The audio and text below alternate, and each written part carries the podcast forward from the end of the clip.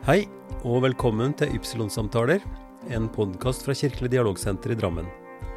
Navnet mitt er Ivar Flaten, og i denne episode nummer 79 snakker jeg med Dag Ingvald Ebbestad.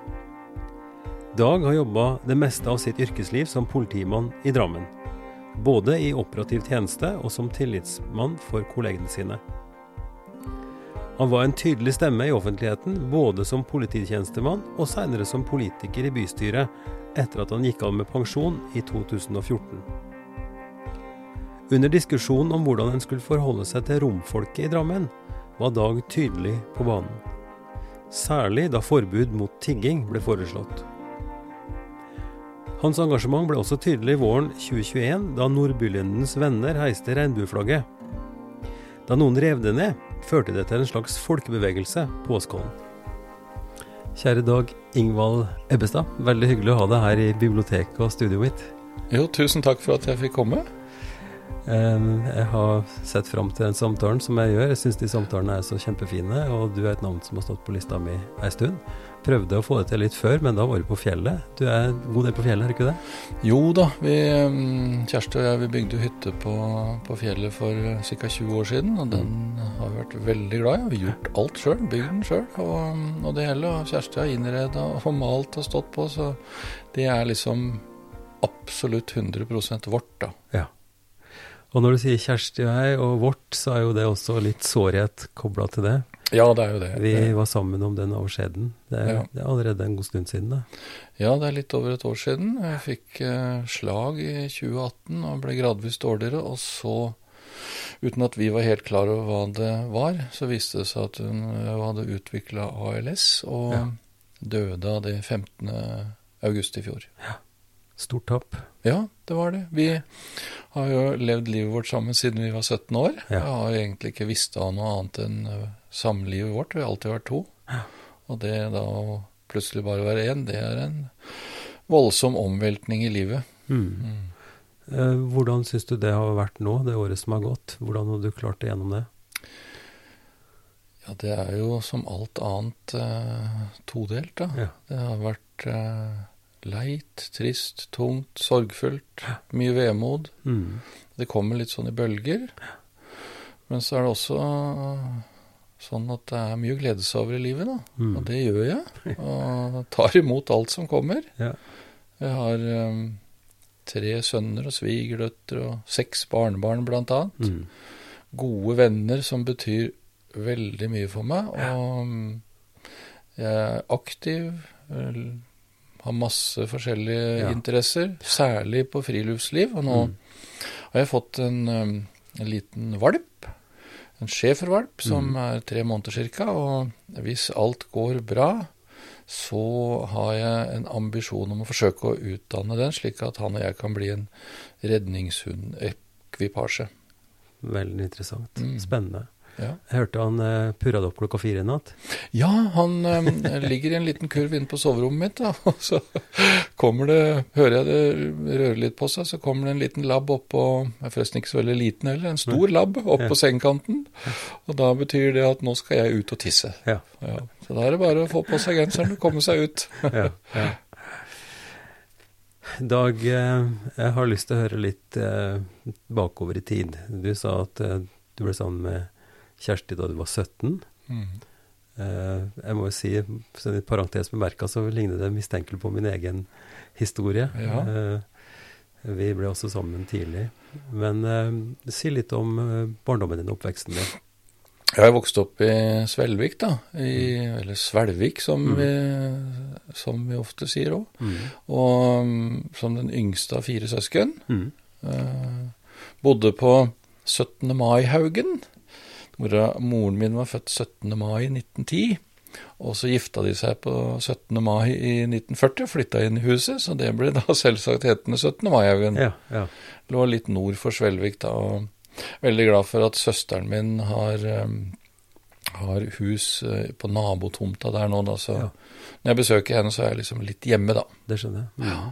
Du, det var en, um, en fin uh, og trygg og ukomplisert oppvekst på 50-tallet i. Svelvik. Det må jeg bare si. Du sa at mora di var et sånt foregangsmenneske? Ja, jeg syns det. Hun var, litt eh, Altså, hun var tidlig ute med utdanning. Utdanna seg til fysioterapeut. Mm. Og jobba jo som det, da. Det var jo På 50-tallet så var jo de fleste mammaer hjemme. Ja. Mm. Det var jo også hun, men hun hadde også fysioterapi. Og jeg fikk lov å være med noen ganger, og det gjorde et stort inntrykk å se hvordan pasienter som nærmest hadde lagt seg til å dø etter en del ukers behandling av moren min, hvordan de kom seg opp og vinka mm. blide og fornøyd når vi dro derfra fra siste gang. Mm. Så det, det gjorde et veldig, veldig stort uh, inntrykk. Og så var jeg i tillegg um, veldig flink til å synge og spille piano, kunne alle dikt og regler og alt utenat. Ja. Og så på den andre siden da, så var faren min, som var en veldig stødig Ebbestad arbeidskar. Trygg og, og, god. Så jeg må si at um, i det lille lille samfunnet vårt oppe i Rørvik, da, så har jeg hatt en fantastisk flott oppvekst som uh, jeg er glad for at jeg har fått oppleve. Mm. Ebbestad, er det et sted? Det er en gård som heter Ebbestad, ja. Og alle som har det slektsnavnet, de stammer derfra på et eller annet vis.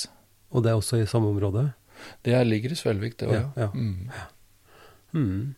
Hva, hva jobba faren din med? Han øh, eh, jobba på Sementen som øh, sin far, øh, altså i Sandtaket. Mm. Og alle onklene mine og hele slekta omtrent. Mm. Eh, og så ble han etter hvert verksmester på en annen liten bedrift i Svelvik, da hvor han var til han ble pensjonist. Mm. Så en slags arbeiderkobling, da? Hadde det også politiske eller samfunnsmessige ja, implikasjoner for deg tidlig? Ikke, han var nok ikke Det ble ikke snakka veldig mye politikk hjemme hos oss. Uh, mer, men mye sånn samfunnsspørsmål og sånn. Det var det nok. Men uh, mest av alt så var det jo uh, han, han, sa ikke så veldig mye, alltid. Nei. Nei. Men han var jo trygg og god å være med. Mm. Og så var han jo et et eksempel til etterfølgelse på mange måter. Da. Så Tidlig på 50-tallet så arva foreldrene mine en liten skau med hytte inne i Røysmarka. Mm -hmm. Og faren min, da, som var en arbeidsmann hele uka, når han skulle slappe av og kose seg i, i, i fritida i helgene, så hogg han tømmer i skauen og stelte den, da. Så det var liksom hans uh, det, favoritt. Det, det, gir veldig gjenklang i meg også. Ja. Hvor, uh, altså rekreasjon i det å holde på med ved. Ja. Min, eh, jeg har ikke noen vedskog sjøl, men, eh, men, vi disponerer seter i Trollheimen ja. med, med, fjellbjørk. Mm. Eh, og det å kappe fjellbjørk på våren og kviste, og så eh, dele opp og stable og tørke og kløyve og, ja. og, sitte og se på når den brenner i peisen. Altså det, det, er noe rekreasjon i det som er vanskelig å forklare, tror jeg. hvis det er veldig fint. I, I våres, særlig i mai, da, så har jeg hatt med meg jeg tror 10-12 forskjellige venner og familie og sånn inn der. Så har vi hogd ved sammen og brent bål og prata, hatt det hyggelig. Og jeg går inn der så ofte jeg kan. Mm. Fyrer gjerne opp en liten nying på odden der, da, når jeg kan det. Mm. Og mm, kaller det for det aller helligste. Ja. Det er så fint å være der. Det gir en helt egen ro. Røtter til barndom og oppvekst. og ja. Naturen rundt deg. Altså, ja, der trives jeg godt. Det er det stedet der altså Du har mye minner, og, og, og altså, det var der du holdt på med sammen med faren din da? Mm. Ja. Ja, det, er, det, der er ganske kraftige ting, altså. Du sier hellig, men det betyr altså hellig har så mange slags tolkningsmuligheter, men at det er noe, det er noe utrolig stort og nesten uforklarlig i ja, en er, følelse eller det, i en opplevelse. Det er, det er liksom uh, det store skaperverket som uh, vi blir en liten del av når vi er der. Det er det. Og det med minner og sånn, vet du, for en tid tilbake så var vi på en klassefest hvor det var en, en venn av meg som uh, har hatt litt trøblete i livet. Mm.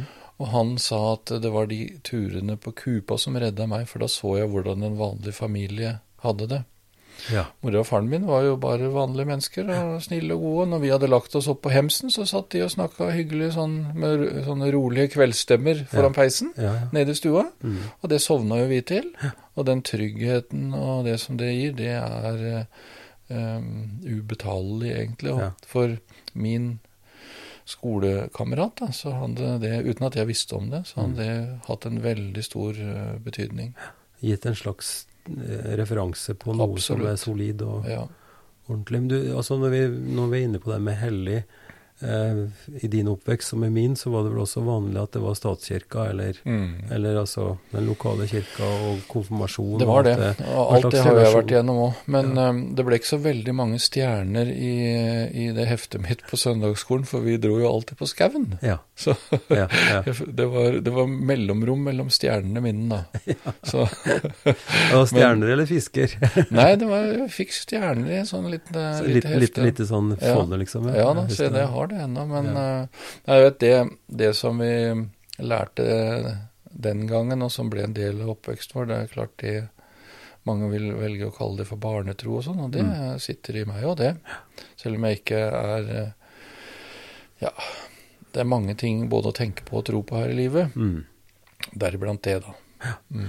Så, så foreldra dine Du vil ikke si at dere var en kirkefamilie, på en måte? Det, det var ikke sånn at dere Eh, gikk, gikk, i kirka eh, svært ofte? Det var mer i høytider og Det var nok helst det, ja. Mm. Også på første påskedag så våkna vi alltid. Da hadde moren min slått opp eh, dørene til en sånn liten hall ute for stua. Da Og ja. der var det åpent opp til soverom ja. i antasje. Mm. Og da våkna vi alltid til at hun med kraft spilte 'Påskemorgen slukker sorgen' på piano ja. hver første påskedag. ja, men det er nok det vil jeg tro kanskje det er flere som vil ha eh, eller sånn minner om jul og, og hva, slags, ja. hva som skjer. Det er ikke så ofte kanskje at påska har sånne den type utslag i familier. Nei, det, var, det var en, eh, en fast uh, ritual hjemme hos oss, ja. da. Mm, nei, du, du, sa før vi starta opp her i dag at uh, på et eller annet tidspunkt i utdanninga di så gikk du gjennom noen leder, lederskapsanalyser uh, ja. og sånn, og der det ble et spørsmål om hvor du hadde tryggheten din fra. Ja, og, ja de sa det, de, de, som hadde gjort denne undersøkelsen, da, sa at de som hadde en, en sånn score som jeg hadde, da, ja. hadde vanligvis hatt veldig sånne solide og trygge omsorgspersoner i oppveksten. Og så spurte de om hvordan var faren din. Ja. Da tenkte jeg her snakker de om faren min som har vært død i 40 år. Ja. Ja. Men så sitter det i meg alt det som, um, som prega meg den gangen. da. Mm. Nei da, men eh, sånn som han kameraten din sa òg, altså det, det en preges av i ungdom, ja. og det en får med seg fra en nær familie og nære eh, opplevelser, at det er nok noe som sitter i oss mer enn mm. en vi tror, ja. Ja. Men hvordan ble veien din videre når du, altså fra barndom og, Nei, og skolegang? Nei, jeg sånn? var jo den, det siste kullet som gikk realskole i Svelvik, jeg da. Ja. Og så hoppa jeg direkte derfra over. Da eh, begynte jeg på gymnaset i Drammen. Ja. Og der eh, gikk jeg rundt i svime et år. Og så skjønte jeg jo i det andre året den egentlige årsaken til at jeg gikk der, da, for da møtte jeg jo Kjersti. da var det gjort. Men at du gikk i svime, betyr at du, du, du syntes ikke det var så interessant, eller? Nei, jeg veit ikke. Jeg var vel ikke jeg, nok, jeg tror nok at lærerne mine ville si at jeg, jeg var mer til stede enn at jeg var en aktiv og bidragsytende elev, ja. Ja, ja. Hva slags linje var det du gikk på? Jeg gikk på engelsklinja. Ja. Passa best meg. Jeg er ikke uh, spesielt godt bygd for uh, realfag. Nei. Så, men uh, språk og litteratur og musikk og sånn, det liker jeg. Ja. Mm.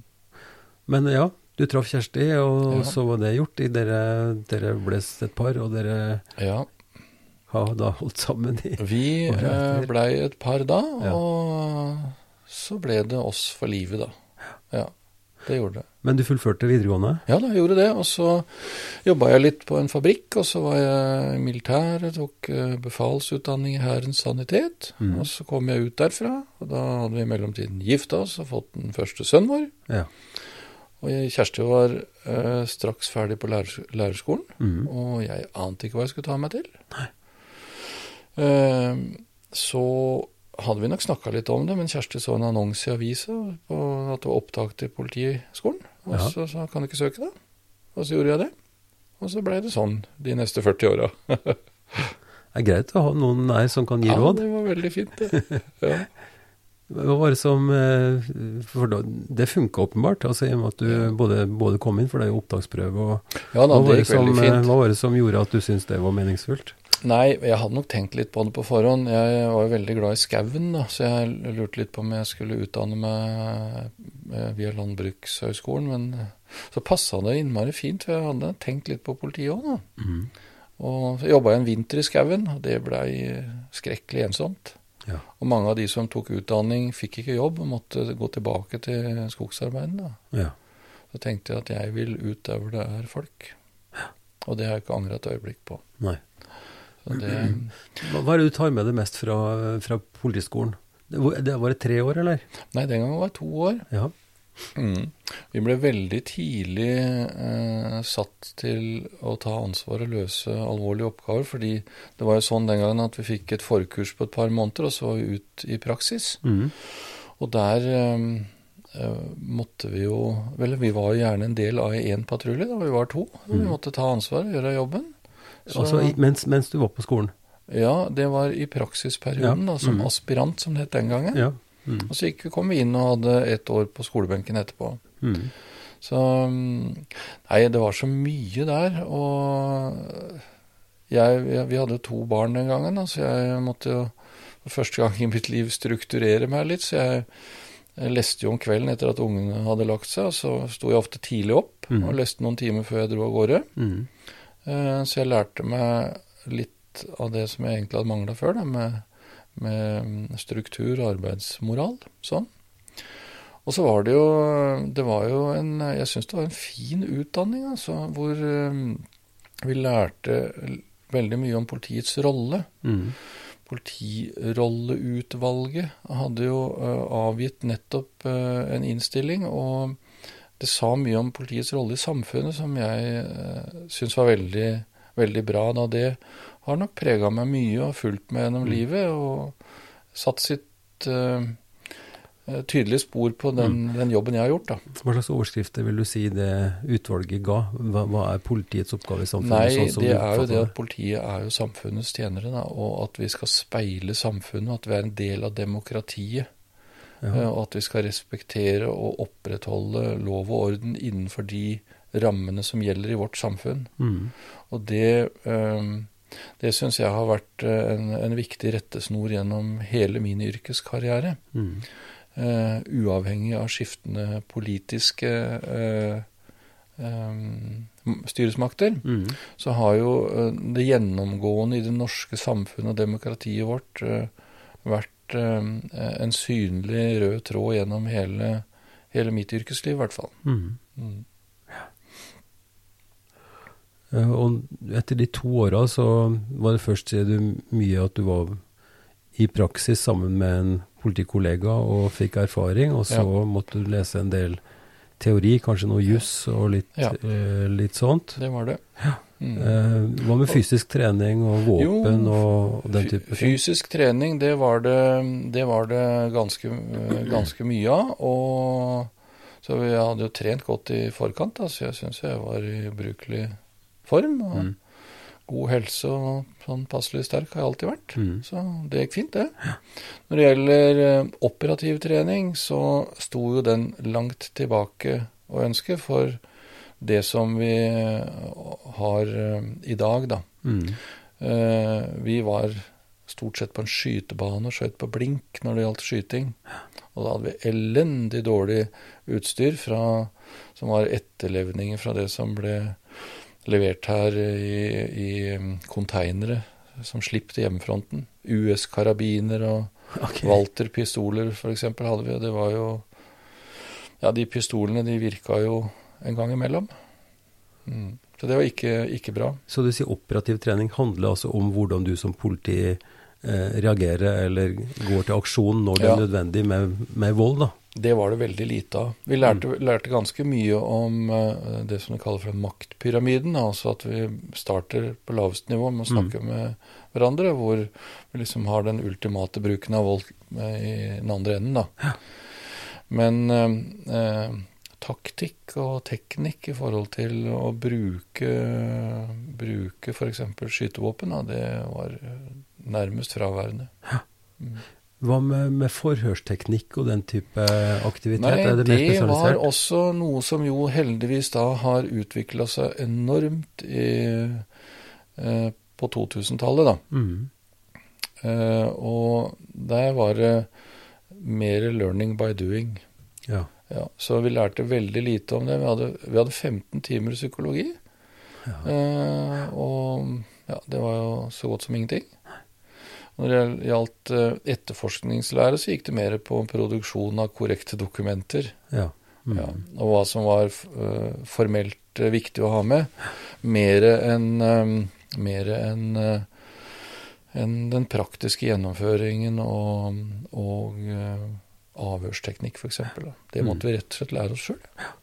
Nei, fordi jeg spør jo litt fordi at vi har sett eh, i forskjellige, også relativt nye saker, hvor fort, hvor fort gjort det å gå inn i spor og, og ja. feste seg ved, ja. ved sånne forhåndsoppfatninger, eller Altså, en er jo mer opptatt av å, å finne et svar enn å finne Der er det jo faktisk sånn at det er to norske politifolk Eh, som har tatt uh, doktorgradsavhandlinger på akkurat det å Raklev er en av de? Ja, han er en av dem. Uh, og det uh, De har jo vunnet stor anerkjennelse ja. for det og ble brukt som foredragsholdere ikke bare i Norge, men også internasjonalt. Mm.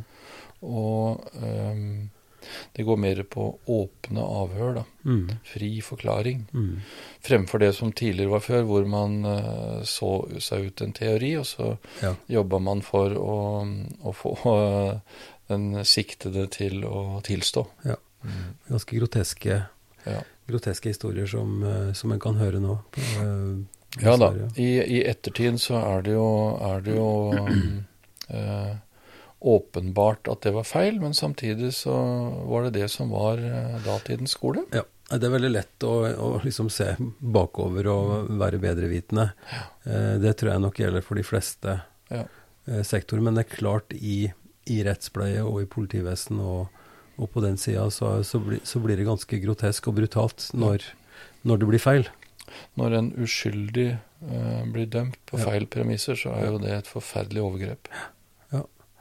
Nei, men eh, Dag, eh, du, du, gikk gjennom den skolen, og du kom ut på andre sida som en eh, ja, som en trygg, som en interessert og som en ivrig politimann. Ja. Hva, hva, skjedde? Hva var første jobben? Nei, Jeg begynte først å jobbe i Asker og Bærum, hvor jeg hadde vært uh, i, i, opplæring. da. Mm. Uh, så kom jeg på passkontrollen etter kort tid, og det var ikke akkurat det jeg ønska meg. Jeg ville gjerne ut og jobbe. Mm. Uh, operativt, så jeg mm. søkte meg til Drammen. Mm.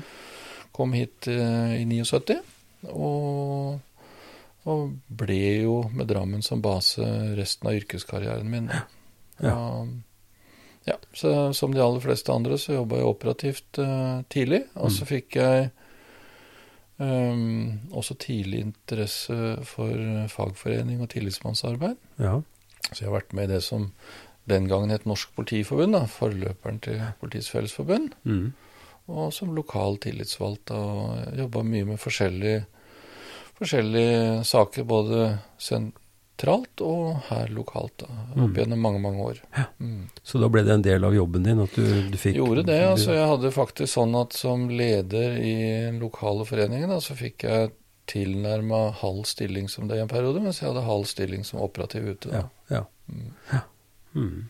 Så du fikk jobbe med folkeforeningsspørsmål samtidig som du var altså i operativ tjeneste og, ja. og politimann? Gjorde det, og det var egentlig en veldig interessant eh, arbeidsfordeling. Mm. Eh, litt eh, slitsom, for det var, det var, nærmest sånn at jeg følte at jeg fikk ikke gjort ordentlig god nok jobb på noen av stedene. Nei. Men mm. Eh, det gikk da på et vis. Mm. Ja. Eh, altså, vi snakker om 80-tallet. Eh, i Drammen. Eh, en by i ganske stor omstilling. Mm. Eh, som du beskriver det, ikke sant. En, en by med, med industriarbeidsplasser. Mm. ja, om det da er i sementen, eller om det er på de forskjellige fabrikkene, som det var mange av her. elva som gikk nokså stinkende. Mm. Um, har du noen minner fra hvordan det var å være operativ i Drammen? på Det har jeg, men når du gir meg elva som stikkord, så var jeg jo mange år bryggesjauer på fritida. Oh, ja. Og det var veldig spennende. Og ja. Da, ja. da, så vi jo disse her um, kakene som kom til overflaten og poffa og ga fra seg en stank av en annen verden. Så det som skjedde med eh, renseprosessen i elva og byfornying, det har jo vært eh, veldig, veldig positivt. Og det er positivt i mange forstand, fordi at jeg forska litt på det der med hvordan det er å ha det, ha det pent og ryddig kontra stygt og mm, sjuskete rundt seg. Mm. Og det er mye lettere å oppføre seg ordentlig når det er pent og ryddig. Ja. Og det har vi nok sett uh, utslag på her òg. Men tidlig 80-tall var det prega av um, uh, at det var litt sånn drabantbyer som ikke hadde satt seg helt da i byen. Mm. Åsia var jo i ferd med å liksom eh, sette seg, og det som hadde vært der og ungdomsutfordringer og sånn, det var nok langt på vei tilbakelagt. Men så var det kanskje spesielt i den tiden utfordringer knytta til fjell, da. Mm. Så vi hadde veldig mye oppdrag her oppe. Og etter hvert, og det var en av de tingene som jeg også jobba med som tillitsvalgt, så så var det å få i gang bydelstjeneste. Det fikk vi her på Fjell. Mm. Det fungerte veldig bra, og i samarbeid med veldig mange andre gode krefter så um, har vi jo etter hvert sett, før jeg gikk av med pensjon, da, at politiet nesten ikke har oppdrag i bydelen Fjell. Mm. Men, men, når vi snakker tilbake på, på tidlig 80-tall, mm. eh, så er det drabant byrelaterte ting, altså ja. ungdomsgjenger, mm. og ikke det som kanskje i dag mange vil knytte til fjell, nemlig det med integrering og, og, og skal vi si motsetninger som Nei. på den sida der. Hvordan, hvordan, tenker du tilbake på det? Det var egentlig eh, ikke det med integrering, og at eh, det da på den tiden også faktisk bodde ganske mange fremmedarbeidere, som det ble kalt mm. den gangen, da, mm. på Fjell. Ja det berørte politiet i veldig liten grad, egentlig. Hæ? Så de utfordringene har nok kommet mer eh, knytta til kanskje annen- og tredjegenerasjons uh, innvandrere. Mm. Mm. Ja. Men den bydelstjenesten, altså det er jo et brennhett tema, egentlig. Ja. Uh, altså når det går på ressursbruk i politiet, hvordan hvordan store oppgaver, sånn som vi har hørt det nå, med altså sentrale oppgaver rundt uh, cyberforsvar, cybertjeneste, uh, nettovergrep, altså alt det der som krever store og spesialiserte ressurser, og på en måte en samling. Ja, ja, og jeg tenker som så, Dag, at det her er jo en slags tendens som, har, som er gjennomgående i veldig mange samfunnssektorer, at en ønsker en slags eh, samling av folk i større enheter for at det skal bli mer såkalt mer effektivt på den ene sida, og på den andre sida nærheten. Mm. At du som, som, har vokst opp i Svelvik, og som kjenner byen veldig godt, gått på skole her, har som politimann nå et helt annet, et helt annet forhold og dypere kunnskap til mm. området enn om du skulle sitte i en eller annen sentraladministrasjon og, og serve et, et, større område. Kan, og, og der er jo på en måte bydelspolitiet satt helt ja. på spissen, da. Ja. For da er det en liten gjeng som har fjell område, ja. f.eks. Hvordan var det i praksis? Nei, det, det, fungerte veldig, veldig, bra. De som jobba her fast, da, det var jo dedikerte uh, tjenestemenn og -kvinner som, uh, som trodde på det forebyggende aspektet. Da. Mm. Og som uh, jobba ut ifra at det var bedre å, å, bli kjent og forhindre at ting skulle skje, mm. uh, enn å komme i etterkant og, med straffetiltak. Da. Mm. Men jeg har også lyst til å si det at uh, bare i, i, min korte periode i politiet, da da jeg begynte i Drammen, de som var vaktsjefer og seniorer den gangen, det var jo det var folk som skulle gå om pensjon snart, og som uh, hadde starta rett etter annen verdenskrig, eller under. Mm. Og den virkeligheten som de vokste opp i, og som de jobba med, den uh, eksisterte jo ikke lenger. Og den virkeligheten som møtte meg da jeg begynte her i 1979, den er så endra nå at det er nesten ikke sammenlignbart. Mm. Og Dermed så er det jo også sånn at politiet må jo endre seg i takt med de utfordringene som er, og ta de oppgavene som er. Og dette med æresrelatert vold, f.eks., som jo Drammen har vært eh, eh, banebrytende på bekjempelsen av, eh, det var jo ukjente fenomener hvis vi går en del år, år tilbake. Og også eh, nettovergrep, bare for å nevne noe, da. Mm. Og det krever jo enorme ressurser og uh, meget spesiell spisskompetanse for mm. å kunne håndtere det. Ja. Og det, er, det, hentes jo ut av den samme, den samme ressursen. Mm. Og dermed så er det jo det konstante dilemmaet at man må velge mellom uh, generalisten og spesialisten. Ja. Det var jo også et tema tidligere. Mm.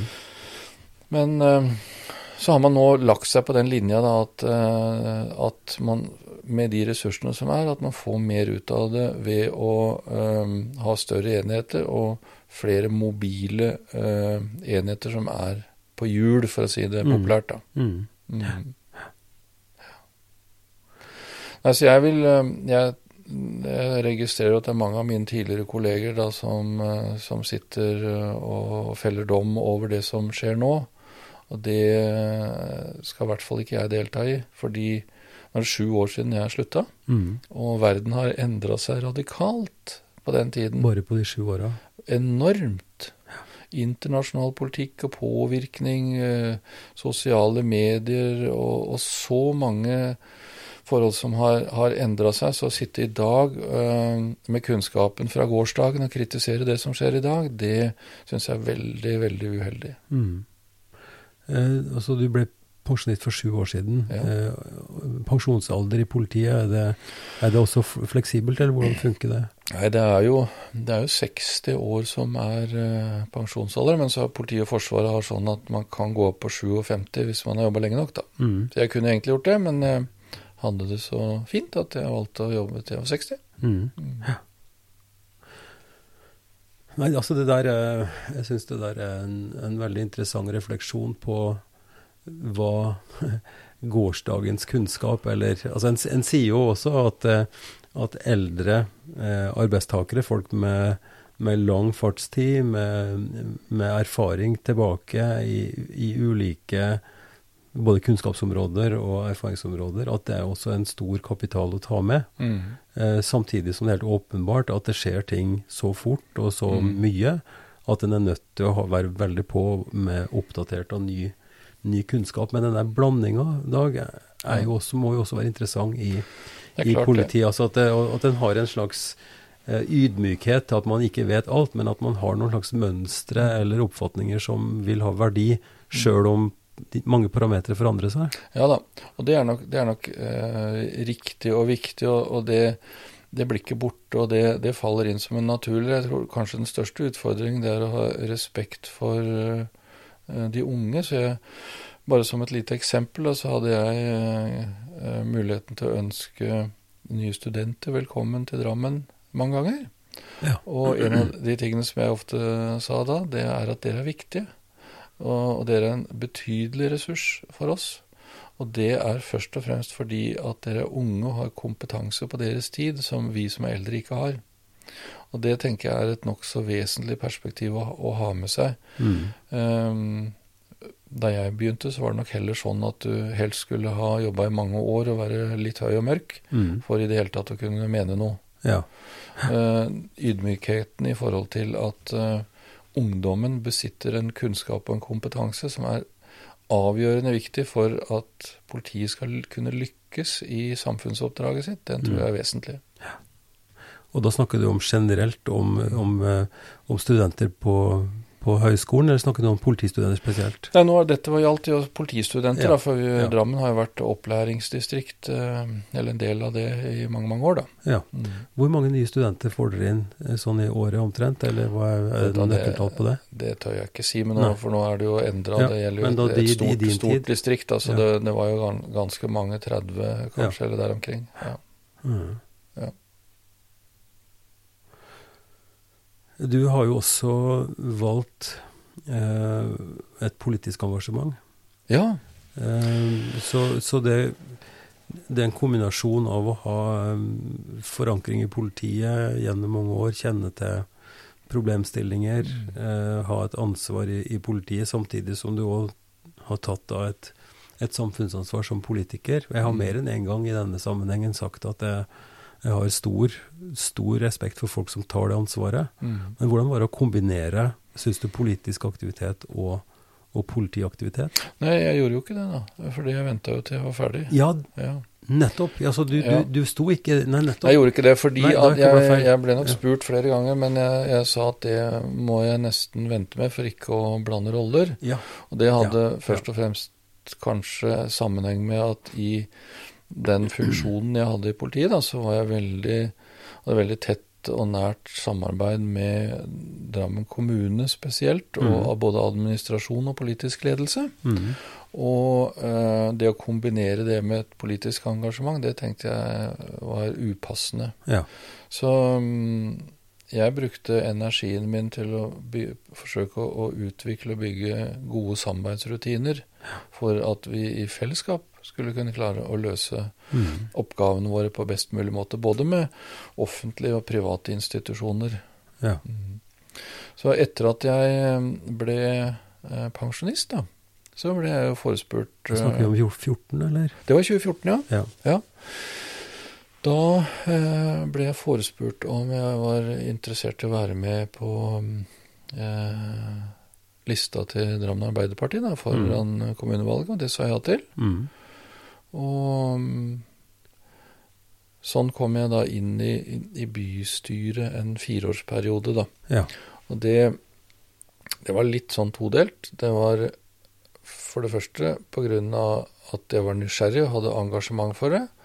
Og så må jeg jo være ærlig og innrømme at uh, nå hadde jeg hatt en posisjon hvor jeg hadde en viss innflytelse gjennom mange år. Mm.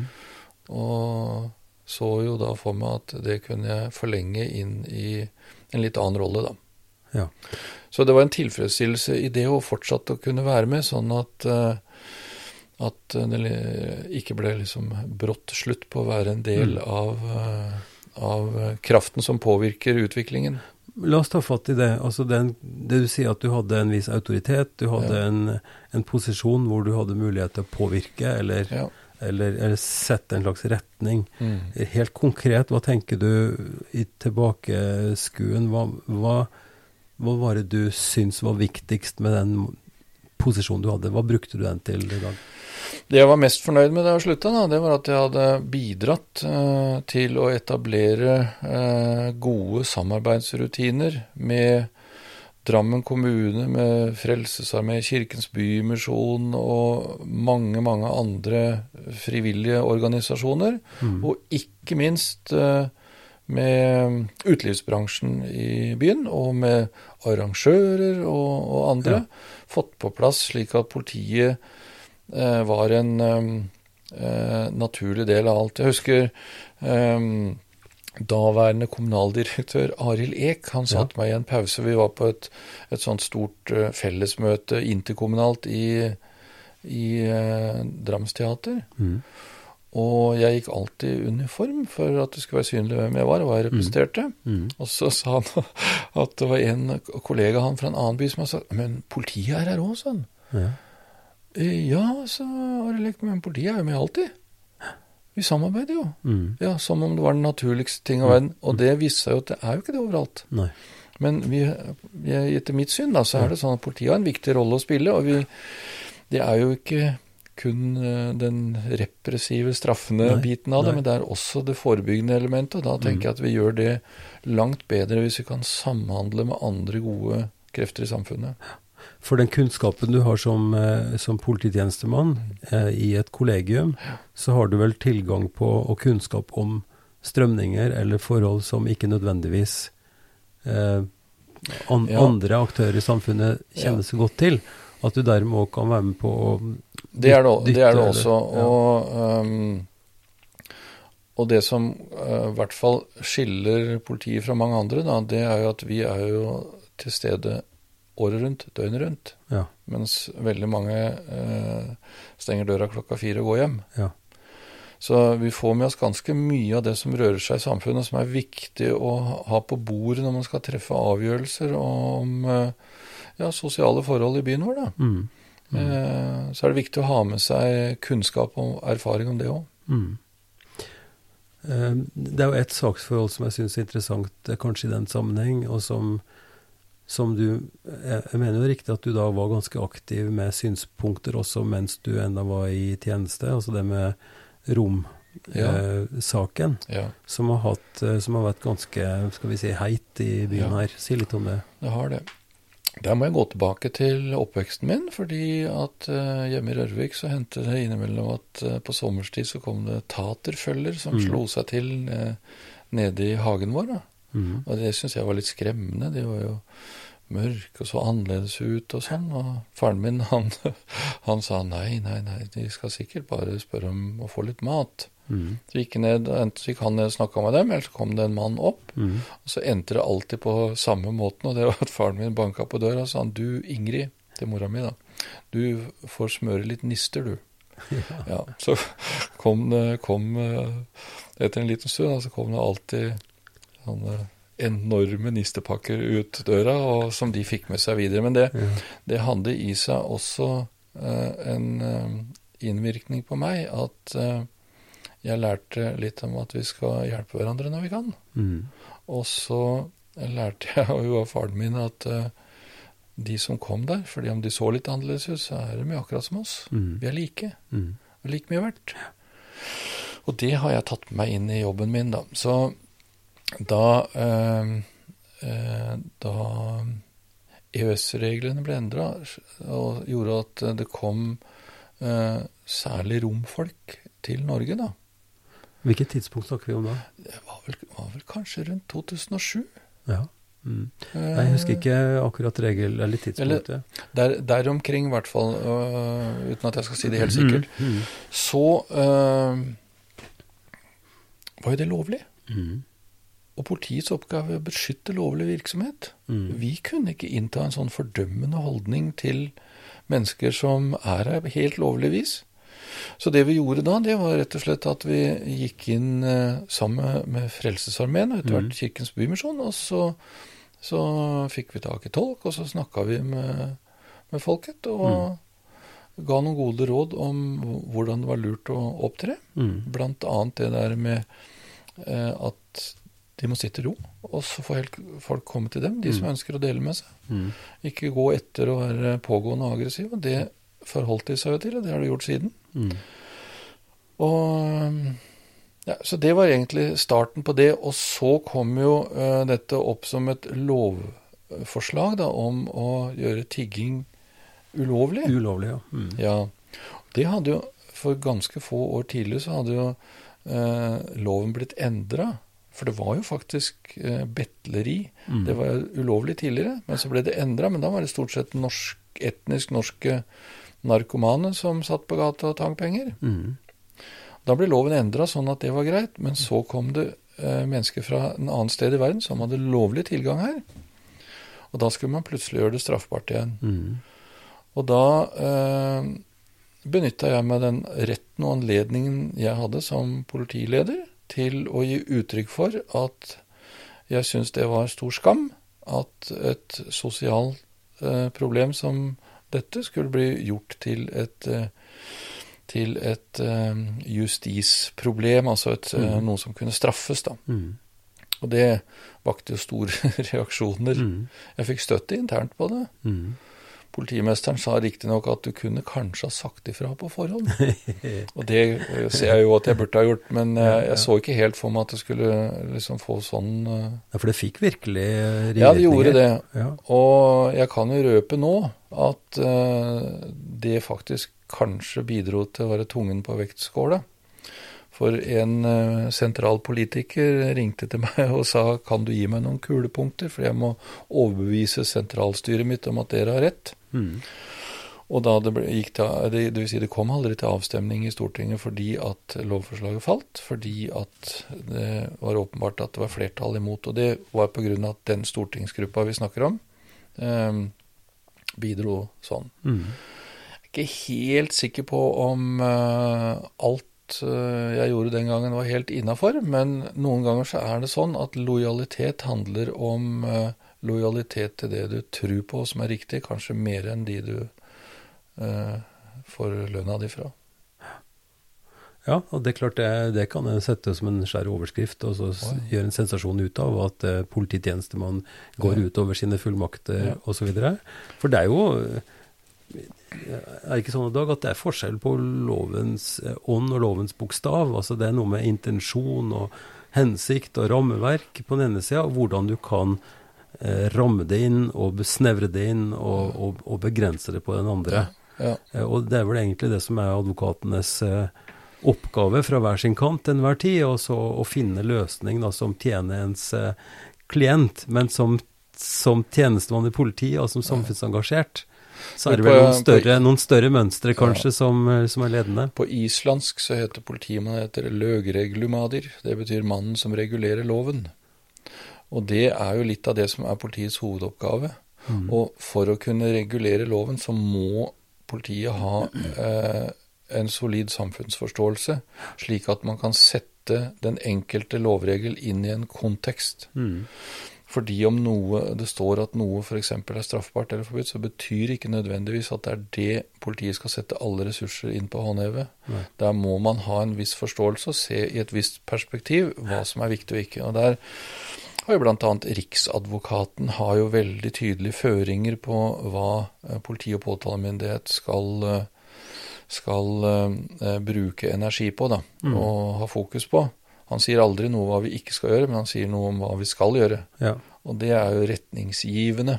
Og det har jeg forsøkt å følge nøye med på, sånn mm. at uh, min oppgave er i samsvar med, med, med det som uh, f.eks. Riksadvokaten signaliserer. Og som jeg får lov å si én ting til.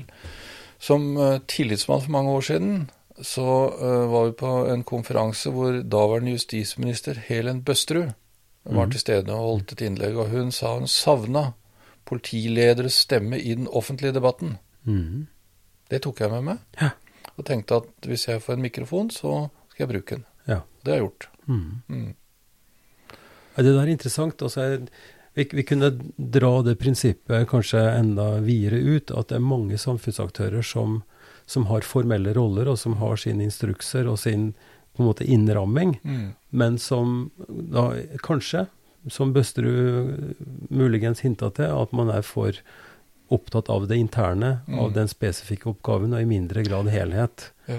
Og det er noe av det som, som, jeg har i hvert fall forsøkt på i min virksomhet, å prøve å løfte blikket til en større helhet i samfunnet. Mm. At en som ulike aktører er nødt til å stå sammen om de mer grunnleggende verdiene og og kanskje perspektivet blir litt løfta, mm. og ikke bare så nærsynt på, på en måte de eh, skal vi si, instrukslagte oppgavene. Ja, det er den ene siden av det. Altså, og så har det i hvert fall for meg i min tenkning vært viktig å uh, ha, ha uh, det synet at vi er enkeltpersoner og mennesker. Vi er ikke uniformerte likeindivider. Nei. Vi fyller jo rollen med vår personlighet og vår forståelse og vårt engasjement og alt. Mm. Og det må faktisk også gis rom eh, mm. til at vi skal kunne uttale oss. Mm. Um, så lenge en sak som i dette tilfellet da, var et lovforslag som skulle behandles, mm. så uh, gikk det vel egentlig så langt at til og med justisministeren den gangen Eh, mente at eh, også en politimann må kunne uttale seg om eh, saker som er under behandling. Ja. Mm. ja. Nei, jeg, jeg, kunne dra fram flere eksempler eh, på dette. Én ting er jo hva kommunens eh, ansatte i forskjellige sammenhenger mm. får lov til å si noe om. Ja. For det har blitt eh, en slags profesjonalisering som en kunne si på godt, men også kanskje på vondt. Altså at det skal gå gjennom informasjonsavdelingen, og den som skal uttale seg, er på en måte autorisert til det, og, ja. og andre ikke. Ja. Sånn at det blir en slags eh, ja, Hvis en sier, bruker noen stygge ord på det, så blir det en slags munnkurv eller, eller taleforbud mm. hvis, en ikke, hvis en ikke har fått autorisert på toppen. og jeg jeg syns, jo det er til skade for, uh, det for samfunns... Uh, jeg er veldig på linje med Per Fugelli når det gjelder synet på kommunikasjonsrådgivere. Alt blir liksom vaska og polert, og så kommer det ut, og så er det kliss likt alt som kommer ut. Ja. Istedenfor uh, sånn som i mitt gamle yrke, da, som jeg har erfaring fra, så um, uh, tenkte jeg at det var vi som uh, satt med makt, ansvar og funksjon, som kunne uttale oss direkte. Mm. Og det, eh, det, gjorde jeg, til eh, noe forargelse for eh, de som drev med kommunikasjon, men allikevel. Jeg fikk lov til det, og mm. jeg tenkte at det var, var av betydning. Mm.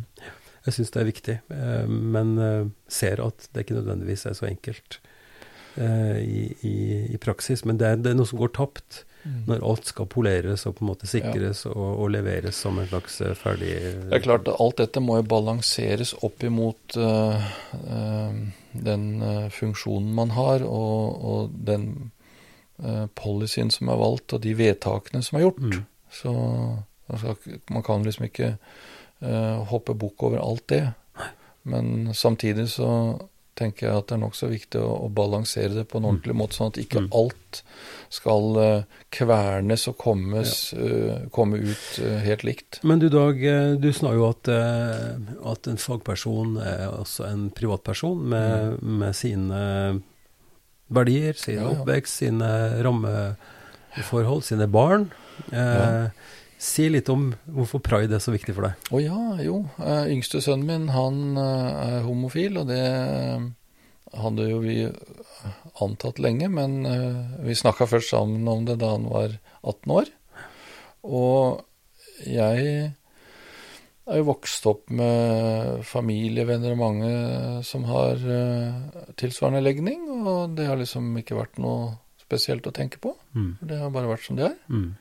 Og det er det jeg er oppdratt til. Mm. Og um, det er klart at når, når, det kom så nært oss som det gjorde da, så, mm. så, var jo det noe vi måtte ta inn over oss på ordentlig vis. Og så bøyde det seg en anledning da til å um, for Åsmund han ringte til meg, og så sa han han, han hadde tenkt å gå i paraden. Han mm. gikk på politiskolen da. Mm. Og da satt Kjersti og jeg ute på hytta på Killingholmen, og så sa jeg det har jeg tenkt på også, så jeg blir med deg. og så gikk vi to ja. sammen. Og da var det ikke så veldig mange. Det I uniform? I politiuniform. Mm. Jeg grua meg litt. Mm. For jeg tenkte jeg er jo ikke homofil, og tenkte liksom hvordan skal folk Jeg opplevde det når folk ser på meg, tror de kanskje at jeg også er det. Mm. Det eh, forsvant som dugg for sola når jeg kom inn der. Jeg har aldri opplevd maken det var et folkehav.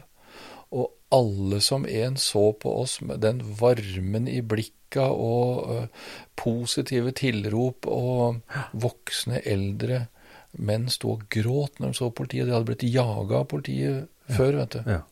Så det var en symboltung handling, det der sånn. Og jeg er kjempeglad for at jeg fikk muligheten til å være med på det. Her, Dag? Mm? Når var dette? Hvilket år snakker vi om? Ja, kan det ha vært i 20... Ja, det må jo ha vært i 2014, da. Ja. Eller 2013. Nei, kan det 2013 eller mens 2014. Du, mens du enda var i jobb, ikke sant? Ja, jeg gikk i politiuniform og var i jobb. Ja. ja. Mm. Mm. Mm. Nei, så det var en, eh, det var en viktig en viktig eh, erfaring og en viktig symbol. Altså, nå ser jeg jo at det har jo utvikla seg sånn at nå er det jo mange, mange som går. Og det, gjør jo kanskje at det er litt lettere for, eh, for um, andre å, å, vedkjenne seg sin legning og, ja. Ja. og være åpne om det. da. Mm. Pluss at det er et viktig symbol til folk om at politiet er til for alle. Mm. Mm. Ja. Nei, for det er klart, eh, eh lovgivninga i Norge var jo utrolig restriktiv langt fram på midten av 70-tallet. Det var det. Det var jo straffbart. Eh, ja, ja. Mm. Nei, Det er strålende. Men så har det vært også helt nye hendelser på Åskollen nå i, i, i sommer. I forbindelse med prideflagg og Ja! Ikke sant? Si litt om det òg. ja, det var jo litt uh, Jeg er jo med i noe som heter Nordbylundens venner, da. Mm. Uh, og vi er et lite styre der, og så hørte jeg med de andre hva de syns om det. Mm. Og når vi hadde avklart liksom lovligheten av det, og sånn, så bestemte vi oss for at vi skulle jammen med henge opp et prideflagg i Nordbylund, da, som liksom er sjølve perlen og hjertet første på Åskollen. Mm. Og det fikk henge i ja, knapt en dag før det ble revet ned og stjålet borte. Det vakte altså en en, det ble en slags folkebevegelse på Åsgård. Så det spratt jo opp prideflagg overalt. Det ble organisert innsamling og spleis og kjøpt inn flagg. Nå hadde jo jeg på forhånd kjøpt to flagg, da. Ja. Så vi hadde et til. Så jeg og en til. Vi hang opp nummer to, og så brukte vi en stige. Og så festa vi snora høyt, høyt opp i flaggstangen, så ikke det var mulig å få tak i den. Og det ble hengende der til juni måned var over. Ja. Men eh, det viktige med det kanskje. Og det positive, det var den enorme responsen ja. det fikk. Den klangbunnen som dette lille tiltaket hadde i, i bydelen. Så det Hva var det som skjedde med folk, tror du? Nei, jeg tror at det var en vekker for mange. Og så var det mange som kanskje hadde hatt lyst til å flagge. Det var i hvert fall mange som skrev på Facebook at vi har hatt et lite flagg i vinduskarmen, vi. Ikke sant? Men nå henger det på veggen, mm. ute. Mm. Så det ble liksom eh, en, på en måte en protest mot de som, uh, som uh, utførte denne handlingen, da. Mm. Og så så ble det en, en, måte å vise fram grunnleggende menneskerettighetsholdninger mm. blant folk, altså. Mm. Jeg syns det er interessant å ta det fram fordi jeg tenker det, det, sier noe om dynamikken mellom de veldig skarpe og skal vi si negative, altså de som i dette tilfellet rev ned flagget og protesterte ja. på den måten, og en, en, slags stille majoritet, som vi mm. forestiller oss de fleste folk flest som er sympatiske, mm. eller som syns dette er fint. Ja. Eh, og jeg syns også det er interessant å ta opp det i forbindelse med, med den polariseringa vi ser, ikke minst i sosiale medier, mm. hvor tonen er så utrolig skarp, og hvor, hvor eh, hvis en da enten trår litt feil, eller, mm. eller, sier noe som kanskje ikke var så klokt, så er det liksom ikke ende på fordømmelse mm. og svartmaling og, og, sånn. Og særlig hvis det er litt, hvis det er litt eh, skal vi si, kontroversielt, så, ja så er det utrolig vanskelig. Og, og, jeg har lyst til å, at du skal sette litt ord på det også i forbindelse med, med noe som kom veldig fort etter at du ble pensjonist, altså i 2015. Mm. Med, med flyktningstrømmen og hele den der intense diskusjonen også her i Drammen om, om mm. flyktninger og asylsøkere. Ja. Hva, hva, hvordan var det for deg i den posisjonen Nei, det, det, var en periode hvor jeg satt i bystyret, og det var jo eh, gjennomgående tema. Eh, ja. Og ble brakt inn eh, i en, nærmest enhver debatt, særlig av eh, partier på ytterst til høyre, eh, med negativt fortegn. da. Mm. Og um, ja, jeg vet ikke hva jeg skal si, egentlig, men jeg, for meg så er det Jeg oppfatter at vi mennesker her på denne lille kloden vår at vi har akkurat samme verdi og fortjener det samme. Så ja, jeg engasjerte meg bl.a. litt i Røde Kors som eh, mm. flyktningguide. Og mm. var det for eh, noen. Og så var det en uh, syrisk ung mann som var den siste jeg var flyktningguide for. Og han og jeg han har blitt som en sånn ekstra sønn i familien, da. Mm. Og vi er veldig gode venner, så jeg holder på det, da. Mm. Det kom også en fase i hans liv hvor han hadde litt ekstra bruk for uh, en familie, da. Mm. Som gjorde at det var naturlig å fortsette med det, da. Så det er liksom det lille eksempelet som jeg kan tenke meg, da. Av sånn rent praktisk uh, at um, jeg gjennom uh, handling faktisk viste hva jeg sto for. Mm. Ja. For debatten kan bli ganske skarp, og, og ja. en det er jo noe av det politiske spillet som jeg har snakka med folk her i samtalen ja. før også. Hvor spissformulert det kan bli, og hvor mm. de politiske posisjonene på en måte driver fram en, både en retorikk og en, en tone og, og, en argumentasjon som kanskje mm. andre som hører på det, misforstår litt. Altså at det blir legitimt eh, å bruke et sånt språk, at det blir legitimt å, mm. å, å karakterisere og svartmale, som, som, er, som er rart, fordi at folk flest jeg vil jo jeg vil jo holde fast i det at folk flest er jo fornuftige. De burde ja. jo skjønne bedre. Men det som er så skummelt da med den påvirkningen som sosiale medier har her, sånn, det er jo hvordan de algoritmene fungerer. Og det er jo sånn at hvis du klikker på et eller annet, da, så får du mer av det. Mm.